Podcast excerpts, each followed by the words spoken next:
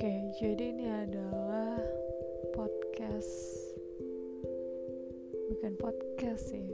Ini lebih ke arah pemikiranku aja atau unek-unek yang biasanya yang biasanya nggak bisa aku keluarin yang biasanya yang selalu aku simpan sendiri jadi aku tuangin di sini jadi buat yang nemu podcast ini sedikit sampah.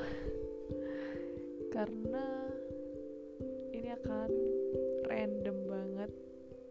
Mungkin sedikit kalian gak paham apa yang aku omongin. Mungkin ngelantur juga. Kayak gini udah ngelantur